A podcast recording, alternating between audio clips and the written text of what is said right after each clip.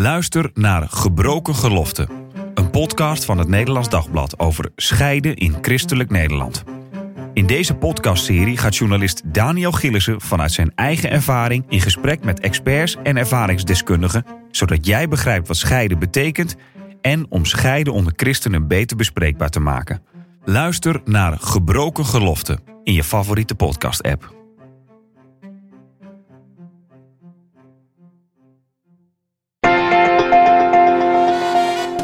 De Sekspodcast. Christenen over relaties, liefde en seks. Leuk dat je luistert. Mijn naam is Marien Korterink en in deze podcast praat ik wekelijks over relaties, liefde en seks. En deze week doe ik dat met relatiecoach Kokkie Drost. Goed dat je er bent, Kokkie. Dankjewel. Ik las jouw column deze week en ik had het gevoel dat je me in een beetje een gevoel van woede hebt opgeschreven. Zo, zo lees ik, ik, ik. Omdat ik jou elke keer spreek ook over de column, heb ik soms het idee dat ik weet wat voor gemoedstoestand jij hebt als je de column aan het schrijven bent. Ik denk dat je dat goed hebt aangevoeld. Vertel. Nou, er zat wel een stuk verontwaardiging uh, over. Jullie hebben een aantal weken geleden heb je het gehad over Hard Cry. Die beweging uh, die ja, mensen eigenlijk juist dichter bij God probeert te krijgen. Nou, dat, dat jullie, jullie artikelen stichting, waren niet, ja. ja, stichting. Jullie artikelen waren niet, um, uh, hoe zeg je dat, mals erover. Um, maar goed, even los daarvan. Eén ding wat mij raakte was dat daar ook gewoon bijna letterlijk wordt gezegd dat je verantwoordelijkheid hebt voor elkaars seksuele behoeftes. Um, als partners in een relatie. Ja, en ja. dan ook ongeveer, nou ja, expliciet dat vrouwen dus ook wel hun mannen tevreden tussen aanhalingstekens moesten houden. Um, ja, en zoiets maakt mij meteen uh, ja, echt verontwaardigd. Op een heilige manier verontwaardigd. Omdat ik juist merk dat heel veel vrouwen, mannen ook wel, maar heel veel vrouwen dit echt in hun hoofd hebben. Ik moet mijn man seksueel tevreden houden. Daar ligt mijn verantwoordelijkheid. Wat ervoor zorgt dat hun hele seksuele vrijheid kapot gaat. Uh, en niet dat je dat meteen ziet, want ik denk dat heel veel vrouwen dat denken, ja, nou, uh, volgens mij gaat het best prima. Maar als je erop inzoomt, als je doorvraagt naar welke emoties liggen er eigenlijk achter, wat voel je eigenlijk als jouw man uh, je kust of um, als jij terugkust, nou, daar zitten zoveel mechanismes achter. en dat zie ik in mijn praktijk natuurlijk echt heel veel. Vooral dat um, stellen van hun seksuele relatie iets hebben gemaakt waarin ze dus um, ja, wat is het goede woord ervoor? Ze is een patroon ontwikkeld, vaak. En dat is, dat is juist dus echt iets wat ik veel tegenkom. Ik denk weer, gewoon weer dit verhaal. Patroon ontwikkeld. Hij heeft meer zin dan zij. Ik chargeer even, maar dit is wat ik het meest zie. En dat zien ze als een gegeven. Ja, hij heeft nou eenmaal een hoge libido, wordt er dan gezegd. En daar is ook heel veel over te zeggen, maar dat terzijde. Um, ja, zegt dan zo'n vrouw. Maar het kan toch niet altijd zo zijn dat ik mijn zin krijg, dus dat we het niet doen. Maar hij moet toch ook af en toe zijn zin krijgen. Je moet daar toch een compromis in sluiten. Oh, 50-50. De helft van de ja. tijd ga ik, uh, ga doe ik toch... het wel, een andere helft doen we Ja. niet. Um, ik had een artikel over Hardcry ook bijvoorbeeld gelezen van een vrouw... die dan heel trots had verteld dat ze de man nog nooit een nee had verkocht. En dan was dan iets nou ja, waar ze dan trots op was. En ik vind dat een hele, als het gaat over seksuele veiligheid... seksuele autonomie, laat ik het zo maar noemen... is dat juist een heel erg beschadigende gedachtegang. Dat je op zo'n manier je altijd maar verantwoordelijk voelt voor de seksuele behoeften van de ander. Uh, ook omdat het voorbij gaat aan het beleven van jullie liefde, van, van jullie gelijkwaardigheid. Dat er een, veiligheid zit in je relatie, maar veel meer gaat naar uh, je hebt een seksuele behoefte, kom maar even hier, dan kom ik jou wat tegemoet. Weet je, ik liep een tijdje geleden met de hond van mijn ouders. En dat, dat beest, ja, dit is echt een, een, een lompe, lompe beest. Ik denk dat dat, denk dat hij een, een, uh, een puppy is. Heel schattig. Dus die loopt met die lompe poten omhoog ergens even te piezen. En dan weer daar een pissie te doen. En hij snuffelt weer. En een ander hondje komt voorbij, snuffelt hij aan. En nee. Ik denk, dit is je behoefte doen. Dat hebben honden, die doen hun behoefte. En, en andere dieren doen hun behoefte. Hoe kun je nou tegen een man zeggen: ja, een man heeft toch ook zijn behoefte? Ik vind het gewoon eigenlijk denigrerend dat je, dat je tegen een man zegt: ah, je hebt ook maar je behoefte. Van oh, het is ook maar een, een, soort van een primaat die zijn behoefte heeft. Een man heeft verdraaid nog aan toe. Ja, ik merk echt dat ik er een beetje kwaad bij word. Ja. Want je, je, je doet echt denigrerend richting mannen. Alsof die niet ook gewoon hun verantwoordelijkheid kunnen nemen voor dat wat ze voelen. Maar dat je zegt: oh, maar een seksuele behoefte van een man, nee, die kan die niet sturen. Daar moeten we in tegemoet komen. En alsof die inderdaad uh, ook niet kan zeggen van: joh, maar als jij uh, vandaag. Geen zin hebt of uh, als jij het niet fijn vindt, dan, dan, doe, dan, dan, dan, hou, Ja. ik me, dan Ja. hou ik me even in. Ja. Alsof mannen zich niet kunnen beheersen. Nou, dat. Ja, ik snap eigenlijk niet dat niet, niet meer mannen daar ook gewoon een beetje verontwaardigd over zijn. Hallo zeg. Weet je, en dat hebben we toch met elkaar, denk ik, als samenleving wel gecreëerd. Ik richt me dan nu vooral op de vrouwen die dus uh, echt denken. Vaak nogal meer dan, dan vrouwen in mijn praktijk. Tenminste. Dan mannen. Meer dan mannen, ja. ja. in mijn praktijk is het minste wat ik dat hoor. Dat vrouwen dus echt die verantwoordelijkheid ook naar zich toe trekken.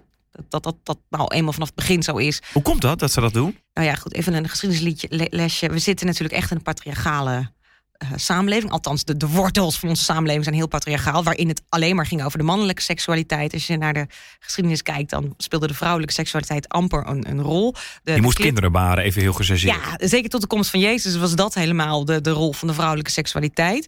Maar je ziet bijvoorbeeld ook in de, in de Wat heeft de komst van Jezus? Nu klinkt het alsof oh, nou... Jezus in die zin de, de ja, wereld veranderd heeft, ja. ook op dat punt. Ja, zal ik nou, je vertel. vertellen? Ja, ja even een uitstapje, maar dat is zeker wel.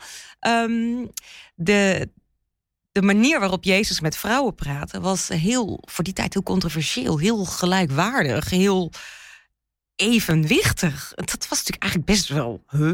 Zo praat je toch niet tegen een vrouw, je bent een man. En waarom praat je überhaupt ja, met vrouwen? Dat al. En, en vrouwen in zijn uh, inner circle, dat was ook al heel mooi. Maar ook christelijke huwelijken die toen werden gesloten. Uh, bijvoorbeeld Paulus schrijft daar ook over. Ja, die onderscheiden zich van niet-christelijke huwelijken. doordat een man het bij één vrouw moest houden. Haar moest heiligen. Nou, er stond nogal een hoop, uh, hoop dingen in. Um, nou ja, er staat, er staat ook in datzelfde gedeelte in Efeze iets over dat je als, als vrouw je man moet, uh, ik weet niet precies hoor, dienen geloof ik, of gehoorzaam. In ieder geval iets dat, dat lijkt ongelijkwaardig. Uh, maar vanuit de context dat dit nogal een controversiële oproep was. Dat je als man dus ineens naast je vrouw moest gaan staan in, in plaats van erboven. Is, is dat ook wel veel beter te, te begrijpen. Dus dat je echt een gelijkwaardige positie hebt tegenover elkaar. Dat heeft Jezus inderdaad wel veel in uh, veranderd. Daarom onderscheiden christelijke huwelijken zich ook van niet-christelijke huwelijken. Maar tegelijkertijd zie je nog dat het ook vaak zo is gebracht dat um, ja, die tekst bijvoorbeeld uit, uit Genesis 3, volgens mij, dat na de zondeval, dan staat daar: uh, daarom zal de man over de vrouw heersen.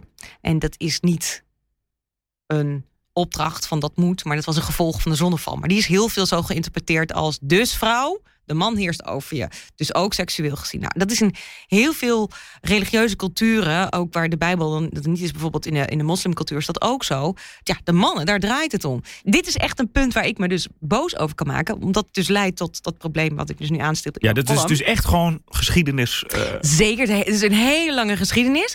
Um, maar ook de geneeskunde.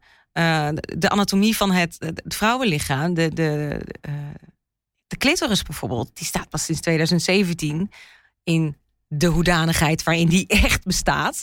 Dus meer die tulpvorm dan alleen maar dat, dat stipje. Sinds 2017 pas in biologieboeken. Ja, dat is toch raar? Ik bedoel, weet je hoe lang we al leven? Dus er is al een enorme ongelijkheid in de seksualiteit tussen mannen en vrouwen. Dat is niet eens per se religieus. Kan wel een rol spelen als je dat meekrijgt. Dat je altijd al hebt geleerd, daarom zal de man over de vrouw heersen. Dat je dus toch denkt, wacht even, de man, zijn behoefte is belangrijker dan die van mij. Um, wat we ook zien in, dat is een hele andere kant, juist in, in films, uh, in pornofilms, gaat het ook alleen maar over dat, althans in echt de, de klassieke heteroseksuele pornofilms. Ik heb niet zo heel veel ervaring op pornogebied, maar goed, dat het daar ook vooral gaat over de mannelijke behoeften, uh, seksuele behoeften, dat je, ja, weet je, zoiets als, als prostituties, dat prostituees, prostitutie, dat gaat ook weer over de mannelijke behoeften. Dat is echt al van, van alle eeuwen. Um, Terwijl ik juist denk, wacht even. Wacht even. Het is 2023. Het wordt echt de tijd dat we hier veel scherper en eerlijker naar gaan kijken. Dan alleen een man heeft nou eenmaal zijn behoeften. Nou, ik vond het ook wel grappig eigenlijk, Marin, dat jij een beetje beledigd bent bij dat idee. Dat jij nou eenmaal je behoefte hebt. Hè? Ah joh. Ja, ik vind, ja, nou ja, het is ook een beetje. Uh, ik zit ook te denken van uh, wie zich nou het meest beledigd moet voelen in die column van jou. Is dat de man inderdaad die heel simpel uh, is, zeg maar. Van die heeft alleen maar zijn behoefte en die moet, die moet je vooral zijn gang laten gaan. Klinkt een beetje zo. Ja. Of de vrouw die, wat ik ook verdrietig vind, die, die, die daar gehoor aan geeft, om het zo te zeggen. Ja dat ze beide eigenlijk vastzitten in, in dat in, patroon. In die patronen. Ja. Ja, in, en in een, in, een, in een soort rolverdeling van. Want, want wat als hij bijvoorbeeld uh, ineens weinig zin heeft? Ja, die gebeurt ook. Ik, ja, dat is heel nee, nee, maar dat, kan gebeuren. Maar dan denk ik, ben ik benieuwd. Kijk, in die klassieke patronen is het eigenlijk van hij heeft altijd meer zin. Ja. En zij moet het altijd maar. Maar wat als zij nou eens zin heeft en hij heeft geen zin? Nou, dat, nou, dat gebeurt kan hij ook. bijna ook niet. Uh, nee, nou ja. nee. Nou, dat gebeurt dus ook. Um, eh, waarbij je dan, dat, dus dan spelen weer hele andere factoren. Want dan denkt die vrouw, ben ik zo onaantrekkelijk, afzichtelijk of ben ik Ja, een ja, nymfomaan? Want blijkbaar willen mannen altijd, maar die van mij vindt mij niet aantrekkelijk. En mannen die denken, oh, ik ben niet genoeg man. eh, Want mannen willen altijd seks, ik ben zeker niet oké. Weet je, het is, eigenlijk is het heel terug dat we ons toch altijd nog meten aan dat wat we denken dat normaal is. Terwijl het juist zo belangrijk is dat je je eigen behoeften kent. Dat je ze begrijpt. En dat je niet meteen zegt: Ik heb behoefte, dus ik ga poem, heel primair daar direct eh, op inspelen. Of oh, eh, mijn partner heeft een behoefte, dus daar ben ik verantwoordelijk voor. Tjak, ik moet, zeg maar. Ja. Maar dat je veel eerlijker durft te kijken naar wat prikkelt mij, wat prikkelt de ander. Op wat voor manier voel ik me helemaal veilig bij? Op wat voor manier voel ik me emotioneel bij jou, met jou verbonden? En ehm, dat klinkt misschien allemaal heel hoogdravend en, en zweverig, maar het is zeker als het over seks gaat zo belangrijk dat je je compleet veilig voelt. Niet alleen lichamelijk, natuurlijk ook belangrijk, maar zeker ook emotioneel. Want seks is hartstikke kwetsbaar. En ik merk dus juist als mensen in het patroon zitten van nou, nou eh, laat Hij ik hem zijn gang dus. maar even gaan. Ja. Ja. dat dat constant wat meer beschadigt. Je zelfbeeld, eh, je associatie met seks, je relatie met je lichaam. Er zijn eh, onderzoeken die laten zien dat bijvoorbeeld prostituees... die hebben helemaal geen contact meer met hun onderlijf als zij het aanbieden. Weet je wel, dat is gewoon... ja, er zitten zoveel haken en ogen aan... waar we ons denk ik nog veel te weinig bewust van zijn. Maar wat mij betreft begint het met maar eens eventjes niet meer gaan roepen... met termen als... ja, maar een man heeft toch eenmaal zijn behoeftes. Dat, doen we, doen we elkaar echt tekort mee. Maar eh, is, is, ik heb het idee dat we, al, dat we daar al bezig zijn met de verbeteringsslag. Klopt dat? Of, Ja. eh, Ja, daar heeft wel de Voice vorig jaar een, een hoop in eh, bijgedragen, aan bijgedragen. Ehm, omdat je toen, voor de woorden van John de Mol, was het echt nog wel, de, ja, die vrouw moet eerder aan de bel trekken. Hè? Zij moeten dan maar voor zichzelf opkomen. En ik merk nu, en daarom vind ik het eigenlijk wel stoer dat jij ook verontwaardigd bent, dat een man ook denkt, ja maar hallo, het is helemaal niet zo dat wij als een soort van primaat onze behoeften maar hebben en, en dat jij je dus maar moet bedekken omdat wij je anders gaan bespringen. Weet je wel? En ik, ik merk ook dat bij de jongere generatie, als ik bijvoorbeeld op een middelbare school kom, ehm, niet overal, maar ik merk wel bij veel jongeren dat ze echt al veel sterker hebben van ja, wacht even, maar je kunt toch niet het meisje verantwoordelijk maken voor het gedrag van een jongen. Terwijl ze zich ook wel realiseren, en eh, ik denk ook dat dat gezond is, dat niet altijd alles even verstandig is. Ik bedoel, ja, ehm, niet dat het goed is. Als je echt teruggaat van hoe het zou zijn in het paradijs, was dat je je seksualiteit te alle tijden, dat die helemaal veilig was, dat er niet iets in beschadigd zou kunnen worden, dat je altijd door elkaar geheiligd werd. Dat, dat zoiets kan ik me dan wel voorstellen hoe dat dan eruit ziet, geen idee. Zo zou het uiteindelijk ooit moeten zijn, maar we weten ook dat het zo niet is. Dat we allemaal op onze eigen manier seksueel gevormd zijn. En dat vind ik dus ook een, een be- belangrijk. Als je, we hebben nou eenmaal, of een man heeft nou eenmaal zijn behoefte. Ik denk dat je dat moet omdraaien naar iedereen heeft zijn of haar eigen behoefte.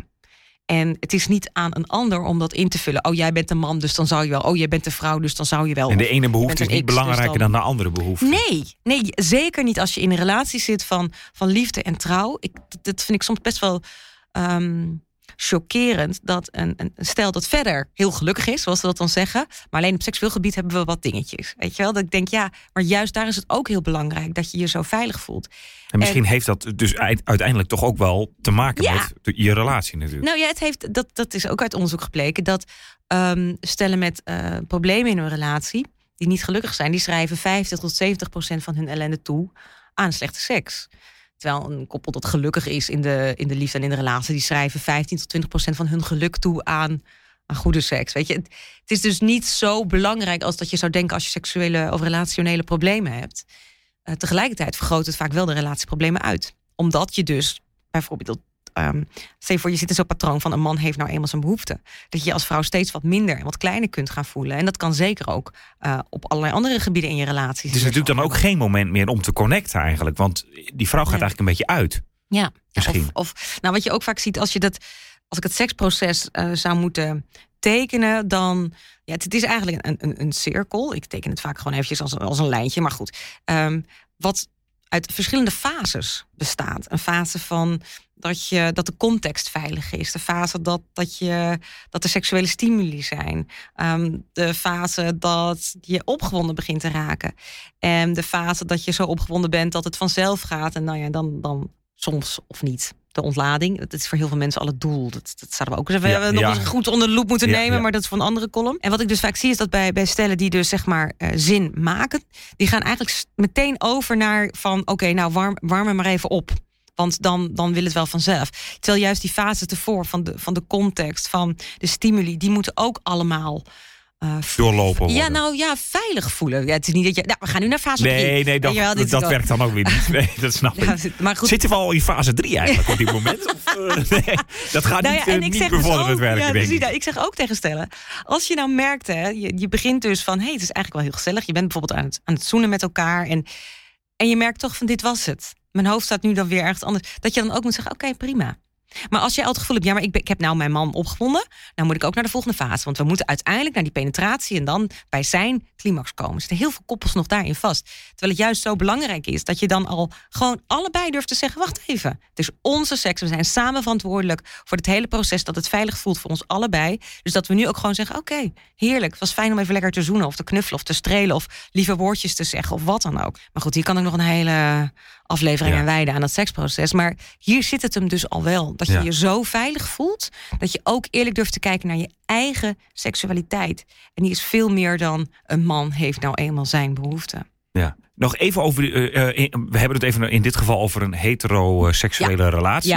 Ehm, wat is de rol van de, de vrouw in, eh, om dit probleem zeg maar, in, in een relatie dan eh, op te lossen? En wat is de rol van de man? Ja. Want ik denk ergens ook wel van als man, eh, tenminste bij mijzelf, Ja. moet je dat. Ik wil dat niet. Dat, maar, dat ik, dat ik, het idee dat mijn vrouw eigenlijk geen zin heeft, maar het, Nee. dan denk ik al, nou, dan hoeft het van mij ook niet. Nee, precies. Nou, dat is al een, e- e- eerste Maar dat is de, eerlijke. de kant van de man. Ja. En, de, en de vrouw moet gewoon. Nou, wat er vaak dus gebeurt, want een man zegt dit wel, maar vaak is die dan toch wel zagrijnig. Eh, Oh ja. Ja, dat gebeurt echt vaak. En dat vrouwen denken, ja, maar daar heb ik geen zin in. Laat ik dan maar even, hè? Het zo. Dat is best echt eh, triest eigenlijk. Maar Dus dat het gaat ook nog om in- inderdaad van na je eerste reactie. Of van nee, dat Eh, wil ik eigenlijk niet. Hoe nee, doe je dat dat je, dat je vooraf nadenkt over wat zijn mijn waarden als het gaat over seks. Ik wil natuurlijk nooit dat mijn vrouw zich gedwongen voelt. Ehm, maar dat je ook verantwoordelijkheid neemt voor wat, wat jouw emoties kunnen zijn. Dus dat je bijvoorbeeld kunt zeggen: van, Ik vind het even lastig, maar dit is echt even mijn verantwoordelijkheid. Want ik wil dat onze seksuele relatie veilig is voor jou. Dus En dat je dat ook echt benoemt richting Ja. je partner. Nou, als het is echt dat klassieke verhaal is van een man die meer zin heeft dan zijn vrouw. Wat, wat ik veel tegenkom. Ook andersom kan zijn, wil ik toch even genoemd hebben. Maar goed, dat je dan ook durft te zeggen: Ik merk dat ik. Ik vind dit nog best wel lastig, maar ik wil echt wat het goede is voor onze relatie. Dus het vraagt zo gezegd ballen om dit hardop te durven erkennen. Ook richting jezelf, richting je partner. Om daar die openheid over te. Eh, te laten bestaan. En ook, weet je, het, soms zal het misgaan. En soms zal er in je relatie nog wel eens toch wat schuren of niet helemaal veilig zitten. Maar dat, dat betekent niet dat je het dan maar moet opgeven. Het is jullie proces. Nou, ik vind het voor een vrouw dus ook heel eh, belangrijk dat zij eerlijk durft, durft te zijn over wat ze voelt. Maar soms is het zelfs nodig dat ze überhaupt maar eens even begint te proberen eh, of te, voelen wat ze eigenlijk voelt. Omdat ehm, voor veel vrouwen het al is van ja, ja ehm, ik, ik moet naar, naar zijn eh, climax toe. Echt niet voor alle koppels. Er zijn ook heel veel stellen gewoon bij wie het helemaal vanaf A tot Z veilig en fijn is. Ehm, maar goed, ik vond het toch wel heel belangrijk. En zeker ook omdat ik even getriggerd weer werd door dat hardcry verhaal. Dat is eigenlijk jullie schuld, Marien, van het Nederlands Sorry dat wij jou hebben getriggerd. Ja, ja, ja. Denk, ja, dit speelt nog in zoveel eh, huwelijken een, een, een rol. En het kan zoveel beschadigen dat ik het echt heel belangrijk vond om het toch weer eventjes eh, aan de orde te stellen. Misschien ook goed dat we je getriggerd hebben. Uiteraard. Alles heeft een doel, toch? Of zo? Nou, het is ook goed om af en toe even weer je, jouw pijnpunten aan te raken. Of, of dat, we, dat, dat, dat we dat soort dingen Ja, ja, die er ik zijn. zie het- ik zie het in, in zoveel huwelijken dat dit niet veilig is. Dat dit niet goed gaat. En als je het dan hebt over zonde, dit vind ik echt zo'n zonde. Maar dat komt ook omdat je, als je het in de, in de, in de, in de wat jij over inderdaad zei, over dat, eh, de, de, dat de man eigenlijk altijd leidend was. Ja. Dat, we, kunnen dat, we moeten ook realistisch in die zin zijn. Niet, ik zou willen dat het morgen opgelost is. Ja. Maar wij, dit is Ja. al zoveel honderd jaar zo gegaan. Ja. We kunnen ook niet van vandaag op morgen dan Nee. ineens pasboen dat anders doen. Dat, Nee. Ben ik helemaal met je eens. Dus je moet ook voor jezelf een soort van genade inbouwen. Van oké, dit voelt misschien niet allemaal meteen even fijn. Ehm, maar ik, ik durf echt ook wel uit te spreken dat het je zoveel gaat, gaat geven. En dat, dat ja, toch even door de pijn heen moet bijten. Ik weet het ook niet hoe je het wilt noemen. Nou, dit maakt het nou weer zo zwaar. Maar wel, je moet realiseren, dit is, het is jullie proces. Je wil samen voor een goede seksuele relatie gaan. En, dan is dit en voor een goede relatie ook gewoon Ja. eigenlijk. En dan is eh, dat je je behoeftes uit kan spreken. En dat daar Ja. naar geluisterd wordt. Is Ja. los van de seks Want, want ook dat wil ik nog wel belangrijk. even toe- toevoegen. Het is wel echt belangrijk dat je oog hebt voor elkaars behoeften. Want het is dus niet de bedoeling dat je dus... nou ja, dan zeg ik maar nooit meer dat ik zin heb... want anders is het gedoe. Weet je dat? Of nou ik probeer maar nooit meer wat... want dan word ik toch altijd maar afgewezen. Je moet je dan ook nagaan, waarom ontstaat dat? Waarom voel jij je afgewezen? Dat is vaak dus al omdat een vrouw die onveiligheid ervaart... in haar hele seksualiteit. Dus dan vraagt het van beide partijen... oké, we willen hier ook echt voor gaan. We willen oog hebben voor hoe we seksueel geprikkeld raken... zonder dat het er meteen van moet komen. Dus dat is, nog, dat is ook nog een tip. Gewoon eens even lekker gaan zoenen zonder dat er iets van mag komen. Leuk. Zoenen en, en, en een verbod op dat er meer gebeurt dan. Ja, Ja. zoals vroeger. Ja, ja, ja. Zoals vroeger. Ja, dankjewel Kokkie voor deze week. En de column van Kokkie die zet ik natuurlijk weer in de beschrijving van deze podcastaflevering. Heb je ook een vraag over relaties, liefde of seks? Of heb je een vraag naar aanleiding van deze column van Kokkie? Of het gesprek dat ik met haar had? Eh, mail je vraag naar podcast.nd.nl en dan eh, komen we erbij hierop terug. Ja, en dit was de laatste aflevering voor de zomer. Aan het eind van de zomer zijn we weer terug met een wekelijkse aflevering van deze podcast. Vergeet niet te abonneren, zodat we na de zomer ook vanzelf weer in je podcast-app verschijnen.